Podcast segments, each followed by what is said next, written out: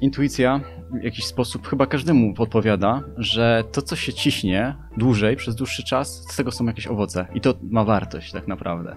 Jak będzie bardzo łatwo, jak sales manager tak zwany, czyli człowiek, który przedstawia fabrykę, bardzo ładnie odpowiada na maile, piękną angielszczyzną, y, na wszystko się zgadza, negocjuje cenę w dół bez stawiania jakichś barier, no to mamy do czynienia z oszustem praktycznie na pewno. I wsiedliśmy w samolot, polecieliśmy do Chin na targi kantońskie. I tutaj y, tip dla widzów, jeżeli ktoś nie wie, nie umie się odnaleźć, szuka inspiracji, niech tam jedzie. On jak tam wejdzie, to już nie wyjdzie. Po prostu te targi się śnią po nocach, tam jest nowa technologia, tam są rzeczy, których u nas nie widzimy, my jesteśmy zacofani. Jeżeli chcesz być na bieżąco z naszymi materiałami, zasubskrybuj kanał i kliknij dzwoneczek. Partnerami kanału są Just Join IT oraz RocketJobs.pl, portale pracy przyszłości, SoFinanse, eksperci w dziedzinie finansów, IBCCS Tax, spółki zagraniczne, ochrona majątku, podatki międzynarodowe. Linki do partnerów znajdziecie w opisie filmu. Dzień dobry drodzy widzowie, Adrian Gorzycki, Przygody Przedsiębiorców. Witam Was w kolejnym odcinku naszego programu, gdzie tym razem naszym gościem jest... Konrad Kunka, dzień dobry. Powiedz na samym początku naszym widzom w dwóch, trzech zdaniach, czym się zajmujesz. Prowadzę firmę, która zajmuje się automatyką i sprzedaje głównie, dostarcza, dystrybuuje sprzęt z tym związany, głównie automatyka bramowa, ale również i siłowniki elektryczne, czyli do przemysłu, do domu, coś dla majsterkowiczów, coś dla ludzi, którzy chcą coś zrobić sami, Mhm. jak i też prywatnie poza firmą jestem inwestorem w nieruchomości i inne tego typu yy, Jaka jest, narzędzia. ska- jaka jest skala biznesu? Jakie, jakie liczby opisują Twój biznes? To jest 10 milionów złotych obrotu, chociaż przyznaję od razu, że to jest troszeczkę wyhamowana liczba, z tego względu, że pojawiają się wąskie gardła wewnętrzne w Mhm. firmie i nie o nich nadążamy. porozmawiamy dzisiaj. Tak jest. Mhm. I jeśli chodzi o nieruchomości, no to wiadomo, kilka milionów złotych wartości, albo już kilkanaście w tej chwili, bo nieruchomości ostatnio mocno urosły. Mhm. I co ciekawe, no to dużo zainwestowałem w nieruchomości komercyjne, czyli Mhm. business to business, A te nieruchomości są obarczone kredytem, czy to było za cash kupowane? To było kupowane za cash w 2012 i 2011 roku. Mhm. Mniej więcej, kiedy już było, e, kiedy to był dołek tak naprawdę i przed hossą. Mhm. Dobre ceny po prostu wtedy były. To nim odpowiesz mi na pytanie, czy czujesz się zamożnym człowiekiem, to jeszcze poproszę naszych widzów i słuchaczy o to, żebyście dali znać w komentarzach, robimy listę obecności. Dajcie znać proszę, w jakiej branży działacie, jaką firmę prowadzicie, bądź jaki wykonujecie zawód, a my teraz wracamy do naszego gościa. Czujesz się zamożnym człowiekiem? Zdecydowanie tak. Ponad swoje możliwości, ponad swoje marzenia, które miałem wcześniej, Mhm. wystarcza mi na wszystko. Nawet powiem więcej. Czuję się mocno zobowiązany, posiadając nadmiar środków, i to jest jakby problem, tak naprawdę. Dlaczego? Osobisty. No bo posiadanie dużej ilości pieniędzy to jest odpowiedzialność. I trzeba wziąć, trzeba wziąć właśnie odpowiedzialność za te pieniądze. Oczywiście no, nie czuję się jakiś wielki, tak? To nie jest Mhm. pierwsza liga w porównaniu do gości, których tutaj macie w tym programie. Natomiast y, wymaga to obsługi. To nie jest prosta sprawa, żeby dzisiaj w coś rozsądnie zainwestować. Mhm. Tak wiesz, y, z, z, tą pokorą to ja bym ja uważał, bo mimo wszystko y, uważam, że to jest ogromne osiągnięcie, to, co- to co zrobiłeś, że kupowałeś nieruchomości za gotówkę, gdzie jednak no, lewar w postaci kredytu jest używany mm, szczególnie często uważam w dzisiejszych czasach, ale powiedz właśnie a propos tych nieruchomości, czemu akurat za gotówkę właśnie nie w kredycie, tak jak robi to wiele osób? Tak, żeby wyprostować jedną sprawę, jedna nieruchomość była kupowana od miasta, od starostwa Mhm. i to oni rozłożyli nam na raty, prawda? Więc negocjacje, bo mogę o tym szczegółowo powiedzieć, negocjacje przeszły na stronę, ile czasu będzie trwało spłacanie tej nieruchomości, bardziej niż na cenę, co Mhm. jest bardzo ciekawe. E, I tutaj rzeczywiście można to nazwać kredytem. Tylko oczywiście nie było odsetek, nie było e, jakichś tam bankowych obostrzeń, e, był wpis na hipotekę i trwało to dwa lata. Tak, zaledwie. Więc Mhm. nie było to, nie miało to dużo związku z takim tradycyjnym kredytem hipotecznym. A dlaczego za gotówkę? No, w pewnym momencie biznes wystrzelił. I tak się ze wszystkim dzieje. Człowiek nie jest na to gotowy, ale no, skala rośnie w sposób y, niekontrolowany i pojawiają się nadwyżki. I oczywiście już od wtedy była inflacja, dużo się teraz o niej mówi, ale tak naprawdę inflacja funkcjonuje od 11 lat, kiedy był ten pierwszy kryzys finansowy w 2009 w Stanach. Tak ja to widzę. Mhm. I wtedy już zaczęto drukować, wtedy już zaczęto trzymać takie mniej więcej sztywne parytety kursów, dolar, złotówka i na każ w każdym kraju tak naprawdę trwało to. I było widać gołym okiem w towarach, w y, różnych mm, dobrach innego rzędu niż te podstawowe, bo tam jest, tam można manipulować, ale wyżej, jeżeli chodzi o dobra luksusowe, właśnie nieruchomości, instrumenty finansowe, tam y, widać było tą inflację. Więc Mhm. to już, od, już wtedy trwało, już 10 lat temu czułem presję inflacyjną i poszedłem po prostu w tą stronę. Ale wtedy jeszcze brakowało mi trochę wiedzy, muszę przyznać, yy, związanym jak się reinwestuje w firmy, jak się zatrudnia profesjonalną kadrę menedżerską do Mhm. obsługi, jak poradzić sobie szybko z wąskimi gardłami, jak poszerzać skalę w tempie adekwatnym do wzrostu przedsiębiorstwa. I dlatego też w tą stronę poszedłem. Oczywiście też muszę przyznać, że to było takie trochę safe haven, tak? Bo w każdym z nas jest taki dualizm, który polega na tym, że albo napieramy do przodu i ciśniemy po prostu rozwój tego przedsiębiorstwa w w górę jak najwięcej i znam takie osoby, tylko że to rośnie ryzyko wtedy, kontra bardzo mocno ograniczone ryzyko, gdzie y, nieruchomości, no to po Mhm. prostu to jest minimalne ryzyko. Sam charakter y, tych nieruchomości, czyli komercyjny, bo one były sprzedawane po, po cenie ru, ruiny, mówiąc szczerze. To były nieruchomości z problemami. Zapuszczone, zniszczone, y, ujemne przepływy finansowe. Czy Tak, właśnie z powodu problemów kupowałeś te nieruchomości? z powodu tego, żeby być bezpiecznym. Już może, Mhm. może rozwinę tę myśl. Duża skala, czyli budynki biurowe, które mają 1200-1400 metrów, bo takie budynki zostały zakupione do remontu, yy, powodowała to, że tak naprawdę było mniejsze ryzyko niż kupowanie mieszkania po normalnej stawce rynkowej. Według mnie tak jest. Mhm. Tak? Czyli z jednej strony zwiększamy skalę i mamy e, większe wyzwanie i większe teoretycznie ryzyka z tym związane, a praktycznie kupujemy, wtedy to było mniej więcej 600-700 zł z metra, metr kwadrat w centrum miasta 70-tysięcznego. Mhm. I to spowodowało, że tu nie było ryzyka. Kiedy poszedłem na ten krok, który wtedy był dla mnie dość duży, ale czułem, wtedy czułem, że w każdej chwili mogę to oddać komuś, że znajdzie się deweloper, inwestor czy ktoś, że w tej cenie to po prostu no, zabiera ode mnie tą nieruchomość. Tak mniej więcej to czułem. Natomiast coś, coś mniejszego, co jest podzielone na jakieś porcje, mieszkania, pojedyncze lokale usługowe, wiadomo, że mają wyższą cenę z metra. Razy dwa, razy trzy wtedy. I to jest jakby większe ryzyko, według mnie finansowe. Mimo, że mniejsza skala, mniejsze pieniądze zainwestowane, to trudniej z tej nieruchomości zrobić jakieś y, większe zyski, tak? Mhm. Dlatego też ja poszedłem w stronę troszeczkę większej skali dla mnie na tamten czas i no, ograniczonego ryzyka, jakby to nie zabrzmiało. Chcielibyśmy zaprosić Was na event networkingowy rodem z Counter-Strike'a. Jeśli jesteś osobą, która woli kolekcjonować wspomnienia zamiast przedmiotów, spędzać czas z przedsiębiorcami i brać udział w odjechanych akcjach, to koniecznie weź udział w największej paintballowej bitwie przedsiębiorców. Możesz spodziewać się paru godzin strzelania na terenie opuszczonej fabryki, mnóstwo dobrego jedzenia oraz kilku specjalnych gości. Przeżyjesz niezapomnianą przygodę i poznasz wielu interesujących ludzi. A podobno najtrwalsze przyjaźnie kształtują się podczas ekstremalnych przeżyć. Czwartek, 21 października. Szczegóły znajdziecie w opisie filmu. W pewnym momencie powiedziałeś, że w tamtym czasie nie miałeś aż takiej wiedzy, jaką masz obecnie. Mm, Czy to oznacza, że gdybyś mógł się cofnąć w czasie, zachowując obecną wiedzę, to tamte decyzje inwestycyjne podjąłbyś troszeczkę inaczej? Używałbyś na przykład kredytu, czy nadal byłaby to tylko gotówka? Żeby było jasne, ja absolutnie nie sugeruję, że kredyt jest dobrym rozwiązaniem, tylko bardziej chciałbym zrozumieć Twój proces myślowy z tego powodu, że, tak jak powiedziałem wcześniej, jest to pewnego rodzaju wyłamanie się z takiego standardowego schematu, z, z którym mam wrażenie, że widzowie i słuchacze materiałów biznesowych spotykają się najczęściej, czyli właśnie kredyt, lewar, nieruchomość, jedziemy. Lewarowanie się kredytem i wchodzenie w układ z bankiem już jest jakimś kosztem na dzień dobry. Kosztem emocjonalnym, kosztem czasowym, tak, bo to trzeba pozałatwiać wszystko i być wobec kogoś zobowiązanym.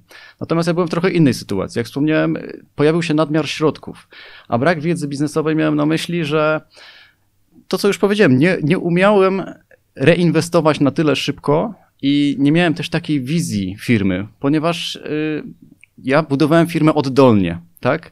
Oddolnie buduje się tak, że mam jakoś, jakiś pomysł. We dwóch zakładamy z kolegą firmę, kiedy byliśmy na studiach, tak? Kolega mówi, ja dziękuję bardzo za bycie prezesem, udziałowcem i tak dalej, ja chcę pracować, Konrad, z tobą. Do dzisiaj pracujemy. Y, A ja biorę wszystko na siebie, prawda? I oddolnie budujemy firmę, która łapie tą kulę śnieżną przysłowiowo i yy, i pojawiają się nadwyżki. Mhm. I, I w związku z tym włoskie gardła, i w związku z tym yy, zapotrzebowanie na management, na, roz, na rozwinięto jak- jakąś osobę, która potrafi po prostu management. Ja się, ja się sam tego uczyłem w trakcie. Bojem jakby rozeznawałem, jak się to robi.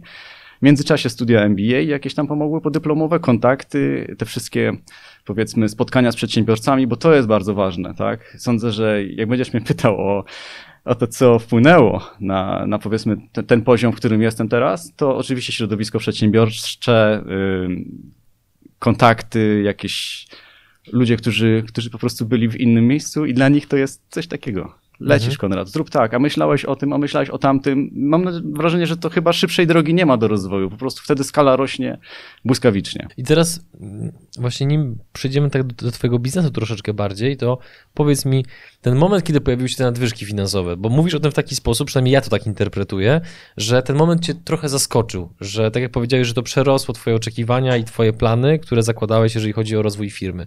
Więc jak wyglądał ten moment, ta, być może ta chwila, kiedy sobie uświadomiłeś, że hej, no jest sporo pieniędzy na koncie. Być może to było rozciągnięte w czasie, że przez kilka tygodni docierało do ciebie, co się właśnie dzieje wokół firmy. Jak się wtedy czułeś? Czułem się pod presją jednak, tak? Z jednej strony mówię sobie, marzyłem zawsze o takim stanie rzeczy. Przecież Mhm. każdy człowiek wyobraża sobie, że jak to by było fajnie mieć jakąś górkę na koncie. Dzisiaj ja się łapię za głowę. O nie, znowu mamy jakieś większe pieniądze na koncie. Znowu w coś trzeba zainwestować. Większe to jest ile dla ciebie? Załóżmy milion, dwa złotych, miliony pojawia się na koncie, tak? Mhm. Przy tej skali, którą teraz robimy, to się zdarza po prostu. I oczywiście łamigłówka, tak? W co teraz to pójdzie? Czy w jakąś inwestycję bezpieczną, tak? Czyli taki safe game, powiedzmy, to co, to co gra w komputerach. Mogę wrócić zawsze do tego miejsca, gdyby biznes się wysypał, ale jestem w jakimś i to kosztuje. Niestety ten safe niestety kosztuje. Albo jedziemy z tym kapitałem w górę Mhm. i reinwestujemy w firmę, kupujemy więcej towaru, tak? kupujemy większe magazyny ewentualnie, zatrudniamy nowych ludzi. To jest wymagające, to jest trudniejsza ścieżka.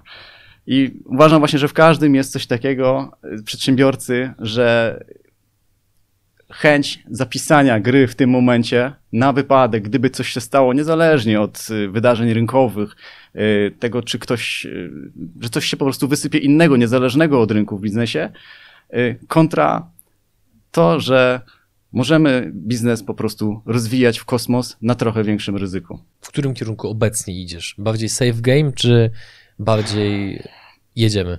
Obecny kierunek to jest już jedziemy. Aha. Tak? Dlaczego? Zdecydowanie. Zdecydowanie zdałem sobie sprawę, że ja mam małe potrzeby jako człowiek, takie prywatne. To, co chciałem, to już osiągnąłem po prostu. Ja, każdy ma jakieś marzenia, zbudować sobie dom, prawda, mieć rodzinę, jeździć jakimś samochodem, załóżmy. No, na wakacje czasami pojechać. Jak za dużo tych wakacji, to człowiek się źle czuje. Przecież to mnóstwo historii tutaj lata, jak wszyscy mar- marzą o jakichś Karaibach, o jakichś y, wyjazdach na, w ciepłe kraje, na miesiąc na przykład. Mhm. Potem są dyskusje, czy firma wytrzyma miesiąc bez ciebie i tak dalej, to pomijam, ale po dwóch dniach na, na tych wyspach ciepłych, na plaży, człowiek dostaje, prawda, y, nerwicy, tak? Nie wie za bardzo, co, co ze sobą zrobić. No to takie za proste teraz i tak dalej. Może za młody jeszcze jestem na to i tak dalej, Mhm. więc mm, ja jeszcze tego nie czuję, żebym ja y, potrzebował się y, w ten sposób zatrzymać, ale czuję potrzebę zarządzania z tylnego fotela. Wzięcia tylko części z firmy na siebie i teraz właśnie tak jest. Y, Wziąłem tylko handel chiński na siebie, zarządzanie jakimiś większymi finansami i kadry. Troszeczkę w kadry się wtrącam, kto będzie u nas pracował, bo to jest według mnie najważniejsze. I to jest wszystko. Mhm. Operacyjnie mnie nie ma. Jestem takim ciałem tylko doradczym. Z tego jestem akurat dumny najbardziej w tej chwili. I to też dało wielką ulgę w ostatnim czasie. Gdybyś miał w skrócie opowiedzieć drogę, którą przeszedłeś od chłopaka, który dostawał między innymi kieszonkowe za to, że pomagał e, wprowadzać auto do garażu oraz kiedy w czasach licealnych dorabiałeś sobie handlując na Allegro, a teraz znajdujesz się w sytuacji, gdzie masz bezpośredni kontakt z dostawcami z Chin, e, masz tysiące klientów, dobrze rozpędzoną firmę, dobrze poukładaną, to gdybyśmy narysowali taki rozkład naturalny i mieli umiejscowić ciebie w, w punkcie tego, tego rozkładu, patrząc przez wszystkich przedsiębiorców w Polsce, no to siłą rzeczy prawdopodobnie byłbyś w tej prawej części, e, bardzo blisko dolnej części wykresu. Mm, Co spowodowało, że udało ci się zbudować tak dobrze działający biznes? I oczywiście, tylko żeby było jasne, jeszcze powiem, jeżeli będziesz chciał nas uraczyć takimi sformułowaniami jak ciężka praca bądź zespół jest najważniejszy, to od razu w imieniu widzów i słuchaczy grzecznie cię poproszę, żebyś rozwinął te myśli, dobra? Wydaje mi się, że konsekwencja, moja natura jest taka, że idę jedną ścieżką daleko, niż szeroko patrzę i chwytam kilkanaście srok za ogon. Była taka pokusa na początku, mnóstwo takich różnych sygnałów spada na nas i tu, tutaj jest, zalecam dużą odporność na to. Kiedy stajemy się przedsiębiorcą, mamy środki, mamy dużo możliwości, ogromnych, tak? I teraz rozpraszanie się w jakimś kierunku może być bardzo szkodliwe, ale można też trafić tą okazję życia, że to jest czas na zwrot. Moim zdaniem warto się nie rozpraszać, jeśli biznes się rozwija, jest skalowalny i ma się to, co jest czyjąś pasją i gdzie po prostu już włożyło się mnóstwo energii i tak dalej. Natomiast z drugiej strony versus taka sytuacja, gdzie wkładaliśmy mnóstwo energii, cenimy sobie nie wiadomo dlaczego to, a przepływ finansowy jest prawie ujemny, ledwo się to zapina, no to w tej sytuacji szukamy, ale ja nie miałem takiej sytuacji. Więc dlatego ta konsekwencja spowodowała, że 12 lat cisnąłem jedną tak naprawdę rzecz, bo to ona dała te środki na nieruchomości. To był rozwój biznesu e-commerce w oparciu o automatykę yy, przemysłową i domową, co było moją pasją, a dzisiaj już pasją jest sama przedsiębiorczość i zarządzanie z tylnego fotela. Już mhm. jakby to się zmieniło, powiedzmy. Dlaczego to akurat twoja pasja? No bo e, wyobrażam sobie, że w głowach niektórych naszych widzów i słuchaczy może być taka żarówka, że e, hej, no ludzie mają pasję do różnych rzeczy, do motoryzacji, do gotowania, a ty mówisz o automatyce dla przemysłu w kontekście e-commerce. Jak? Pasja dlatego, bo y, kończyłem studia, elektronikę i telekomunikację. Musiałem sobie jakoś to wytłumaczyć, bo to są bardzo trudne studia. Okej. Okay.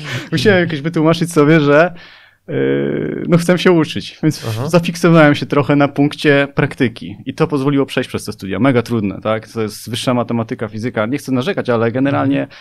nie było łatwo, ale uratowało mnie coś takiego, że byłem praktykiem. I stworzyłem taki jeden projekt. Tutaj może się pochwalę, że yy, zrobiłem analizę obrazu w czasie rzeczywistym z kamery. I do tego dorobiłem sprzęt, który coś robił, czyli silniki krokowe powiązane w układzie XY. To, co widać w kamerze, można zadać jakieś algorytmy, żeby te silniki wykonały, w dużym skrócie mówiąc. Ten projekt został wykonany przeze mnie fizycznie, z pasji i z doczytania. Ściągnąłem jakieś algorytmy ze Stanów Zjednoczonych, zaimplikowałem w MATLABa i przychodziłem do wykładowców przed, e, przed w ogóle rozpoczęciem roku, tak jakby już e, ćwiczeń, jakichś projektów i tak dalej, mówiłem, że chcę to zrobić, ale to było już dawno zrobione, mówiąc między nami. Więc e, to podchodziło pod prawie wszystkie przedmioty, takie praktycznie, które były w drugiej, drugiej połowie studiów pięcioletnich, tak? Trzeci, czwarty, piąty rok praktycznie na tym przejechałem. To podchodziło pod cyfrowe techniki sterowania, podchodziło pod jakieś programowanie maszyn, pod symulacje jakieś w MATLABie, mnóstwo takich przedmiotów i ten projekt akurat podszedł pod to. I to się stało przy okazji moją pasją właśnie. Ta automatyka, mimo że na początku studiów absolutnie byłem przeciętny, uważam. Nie umiałem tego. Tylko udało się jakoś przestawić na te tory zainteresowania się tym, co studiujemy, rozkręcania się w tym Pomagał mi też mój przyjaciel, praktyk, który był po technikum, ja byłem po liceum, więc siłą rzeczy byłem słabszy technicznie, a dzisiaj razem jesteśmy w jednej firmie i, mhm. i 12 lat ta przyjaźń trwa i nie zapowiada się, żeby to się kończyło po prostu. I jak się przedstawiłeś na tory tego, że potrafiłeś mimo wszystko skupić się, wejść w ten temat, zgłębić go, no bo to jest, uważam, unikatowa umiejętność. To jest coś, z czego prawdopodobnie pożąda wiele osób, że chcieliby w sobie zapalić tę iskrę zainteresowania danym tematem. Ty twierdzisz, że to by się udało, to zresztą pokazują twoje wyniki. Więc jak tą iskrę udało ci się wykrzesać, że wkręciłeś się po prostu w ten temat? Szczerze mówiąc, nie będzie to opowieść o jakiejś wielkiej motywacji i tak dalej, raczej ból to sprawił, czyli to, że słyszałem od starszych kolegów, że ciężko jest z pracą po tych studiach. Wtedy taki czas był dziwny. Dzisiaj już nie ma, ale wtedy tak mówili, że idzie się do jakiejś firmy, coś tam się projektuje, klika się przy komputerze w korporacji, niskie pieniądze i tak dalej się zarabia. No to człowieka odrzucało troszeczkę i mhm. Strach przed tym po prostu zwykły, że to, to nie gra, to nie zadziała spowodował, że na drugim roku odpaliłem po prostu taką rakietę. Zacząłem się na maksa interesować praktyką, bo to jest ważne, praktyką, nie tym, co na symulacjach robimy na komputerach, ale lutownicą wręcz, jakimiś elementami elektronicznymi, elementami wykonawczymi i zacząłem sobie dłubać, robić różne projekty praktyczne, które wiedziałem już, że na przyszłych latach się przydadzą. To mi też pozwoliło tworzyć firmę na studiach, tak? Czwarty, piąty rok już był nagrany tym, co już zbudowałem wcześniej, tak jakby nawiązując do tego, tego, co powiedziałem. Mhm. I to pozwoliło być w firmie już wtedy. Ale z piątkowego ucznia, czwórkowego stałem się trójkowym zupełnie bez stypendium, bo wtedy jeszcze płacili stypendium za naukę, ale już zrezygnowałem z tego na czwartym, piątym roku na rzecz firmy, która, którą Mhm. uruchomiliśmy wspólnie z kolegą. Firma chyba ci wynagrodziła brak stypendium, jak nie mam. Tak, wie- wielokrotny zwrot z inwestycji. Okej. E, Dobrze, czyli jeżeli rozumiem, to ta perspektywa tego, że prawdopodobnie nie będzie pracy po twoich studiach, po, posłużyłeś się tym jako pewnego rodzaju paliwem, że okej, skoro jest taka perspektywa, to ja się będę uczył na tyle intensywnie, że po prostu będę tak kompetentnym gościem w tej dziedzinie, że tą pracę na pewno znajdę. Czy taki można wniosek wysnuć z, z, z, z tego, co powiedziałeś, czy nie bardzo? Tak, to dokładnie to było. Czyli jednak jakoś można powiedzieć, sukces rodzi się w bólach, tak Mhm. ostatecznie. Ja Mhm. po prostu byłem trochę rozczarowany tym, bo to były równania różniczkowe, któregoś rzędu i tak dalej. Matematyka wyszła. Ci- Cisnęli nas mocno z fizyki, z jakichś rzeczy abstrakcyjnych totalnych, tak? Już czuli wszyscy, że nam się to nie przyda, że my Mhm. nie będziemy w tym siedzieli, tak? Ale cisnęli nas. I pierwszy, drugi rok był bardzo ciężki.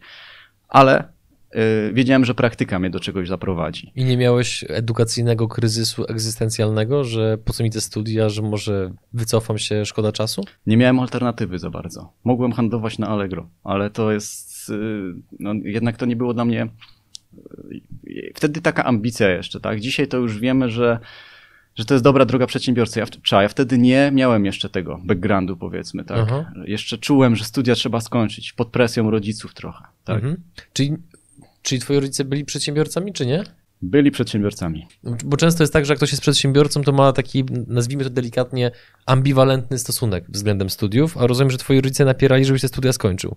Tak, pamiętam w ogóle rozmowę taką, jak to ojciec, ja do ojca przyszedłem, chcąc mu zaimponować, mówię, dobra, czas już skończyć z jakimiś niepoważnymi rzeczami, czytaj p- próbę jakiegoś handlu na Allegro używanymi rzeczami, tak? Trzeba zająć się poważnymi rzeczami i studia skończyć. Jak y, opowiadam tą anegdotkę gdzieś w środowiskach przedsiębiorczych, to się bardzo ze mnie śmieją po prostu ludzie, że no poważne rzecz porzuciłem na, na, na, dla rzeczy niepoważnej. Przeważnie jest odwrotnie właśnie. magister inżynier, tak? I Mhm. potwierdzam dzisiaj trochę ten fakt. Nie do końca mi są potrzebne te papiery. Ale to, co się tam wydarzyło, czego się tam nauczyłem sam ze sobą, walcząc w jakiś sposób. Ja to sam ze sobą rozegrałem. Tu nie było nacisku z zewnątrz jakiegoś. Znaczy, Mhm. no, ten, ten strach, powiedzmy, przed, przed, no, kim ja będę w przyszłości, co ja będę robił. No, nie chcę skończyć w korpo, nie chcę siedzieć za komputerem przez 8 godzin, tak? Yy, to mnie pchnęło do przodu. I ta wiedza, wtedy ja sobie cenię ten czas. Czas studiów ostatecznie oceniam pozytywnie, tak? One uczą samodyscypliny, organizacji, wyjścia z tego Mhm. chaosu jakiegoś. Jeśli pójdzie się jedną ścieżką, jakąś myślową, nie chwytając się co chwila czegoś innego, tu impreza, tam impreza, tam coś, yy, zmieniając kontakty, zmieniając wizję życia co chwila, to super czas i tak naprawdę on pozwolił, pozwolił się rozwinąć. co ci pozwoliło zakładać, że mm, tak trochę wciela się w rolę adwokata tych osób, które właśnie żonglują pomysłami na swoją karierę, to co ci pozwoliło zakładać, że wybór, którego ty dokonałeś jest wyborem właściwym? Bo wydaje mi się, że to jest jeden z powodów, dla których wielu, zwłaszcza młodych ludzi, mm, boi się wybrać tylko i wyłącznie jedną ścieżkę, no bo w dobie mediów społecznościowych non-stop widzimy, że trawa u kogoś innego jest bardziej zielona. Stąd to może budzić pewne wątpliwości i zastanawianie się, czy na pewno podążam właściwą ścieżką. Więc dlaczego, co, co, powodowało, że ty byłeś pewien, że okej, te tory, które ja wybrałem, są właściwymi? Intuicja w jakiś sposób chyba każdemu podpowiada, że to, co się ciśnie dłużej, przez dłuższy czas, z tego są jakieś owoce. I to ma wartość tak naprawdę. Y, To jest, y, to jest jedno wielkie przekleństwo, o czym ty mówisz, że ciągle jesteśmy bombardowani czymś nowymi pomysłami, nowymi jakimiś opcjami, możliwościami i tak dalej. Moim zdaniem współczuję młodym ludziom. Moja y, ilość możliwości była ograniczona wtedy, a jeszcze naszych rodziców dużo bardziej ograniczona niż dzisiaj oni mają. I myślę, że dlatego tacy są pogubieni. Dlatego też y, szczególnie ważne zająć się czymś jednym i nie bać się, że jak po, pobiegnę za jednym króliczkiem, to już potem nie wrócę, czas przeminie i tak dalej, bo jest mnóstwo efektów ubocznych, tak, które zyskujemy. To w postaci wiedzy, mądrości jakiejś. Jeżeli pójdziemy w przedsiębiorczość, to już w ogóle, prawda? Ja zająłem się nieruchomościami. To jest y, tak szeroki temat. Oczywiście nie w RIT-ach, tylko, tylko Taki chyba wewnętrzny żart tutaj poszedł. tylko osobiście kupowałem i robiąc, robiąc, na tym, robiąc na tym kilkaset procent zysku, tak? A do dzisiaj może już nawet tysiąc procent zysku tak naprawdę, y, ponieważ y, no jest jeszcze ta inflacja i cały czas rosną, cały czas się pompują te nieruchomości. Wiedza y, polegała na tym, że staje się w jednym momencie hydraulikiem, elektrykiem, budowlańcem, tak, człowiekiem, który zarządza, który pije kawę właśnie z przedsiębiorcami, to sobie bardzo cenię, bo tam wynajmują przedsiębiorcy, tak, przeróżnej maści, z różnych stron. Potem się pojawia zasada wspierać swoich, tak. W biurowcu mam kilkudziesięciu przedsiębiorców, którzy coś robią, na pojedyncze pokoiki wynajmują, albo po dwa, albo po trzy, y, tworzą firmy i ich polecamy, polecamy sobie wzajemnie, działamy w jakiejś takiej mhm. sieci znowu. Bardzo sobie to cenię. To jest dla mnie dużo bardziej ciekawe niż wynajem mieszkania studentom, tak? Nikogo nie obrażając, bo ja też wynajmuję mieszkania, tak? Ale to jest fajniejsze, to jest ciekawsza mhm. droga po prostu. Tworzenie centrów biznesowych, jak to powiedział mój przyjaciel, bo to jest budynek, parking, brama automatyczna na telefon z autoryzacją, ze wszystkim, takie coś nowoczesnego. Przy okazji łączymy to z naszą firmą, która zajmuje się automatyką, telekomunikacją i tak dalej. I to wszystko działa. Mhm. Do, bardzo długi czas, nie wspomniałem o tym, mieliśmy telebim w centrum miasta. Mieliśmy swój własny telebim, też od 2010. On został właśnie zlikwidowany. Lockdown go położył. Przyznaję, ludzie przestali myśleć o outdoorach, wszystko przeniosło się do internetu. Doskonale mhm. widać to w statystykach i właśnie go zdjęliśmy, ale on zwrócił się kilkukrotnie, ten telebim. I był taki moment, że moje biurowce, które zarabiały na wynajmie, były łączone z najemcami w kontekście takim. Dogadujemy się, Dobra, to jeszcze przy okazji gratis dorzucamy ci miesiąc na Telebimie, prawda? I masz ten swój biznes w nowym miejscu, już reklamowany, w samym centrum, mhm. ludzie widzą i tak dalej. Więc łączenie tych rzeczy, łączenie faktów, a wracając do głównego wątku, Popatrz, ile efektów ubocznych robi się z jakiegoś jednego małego ziarenka. Idziemy jakąś drogą, a tu nagle rozgałęzia się drzewo. I to jest to, czego się młodzi ludzie uważam boją. Że pójdziemy po pniu i nie będzie tych gałęzi bocznych. Będą. Mhm. Pójdzie się jedną, jeszcze się rozgałęzi, jeszcze się rozgałęzi. Tylko trzeba działać, a nie myśleć. Tak? Mhm. Problemem jest myślenie może to, może tamto filozofujemy, nie? myślimy, może zrobimy to, minie czas, tak, jeszcze, jeszcze yy, powiedzmy rok minie. Jacek Walkiewicz o tym opowiadał na takim ciekawym wykładzie, prawda? prawda? No to polej. Kto wiedział, że szwagier się wtrafi w temat? No to trzeba było działać, tak, mówiąc wprost. Działajmy cokolwiek robimy, coś to nawet nie ma sensu, bo ludzie na początku pracują za darmo. Przecież wiadomo, ci ludzie, którzy do czegoś doszli, opowiadają swoje historie i oni mówią, że na początku za darmo robię. Ja też robiłem mnóstwo rzeczy za darmo. Mhm. Za darmo i nie wiedziałem, czy to ma sens.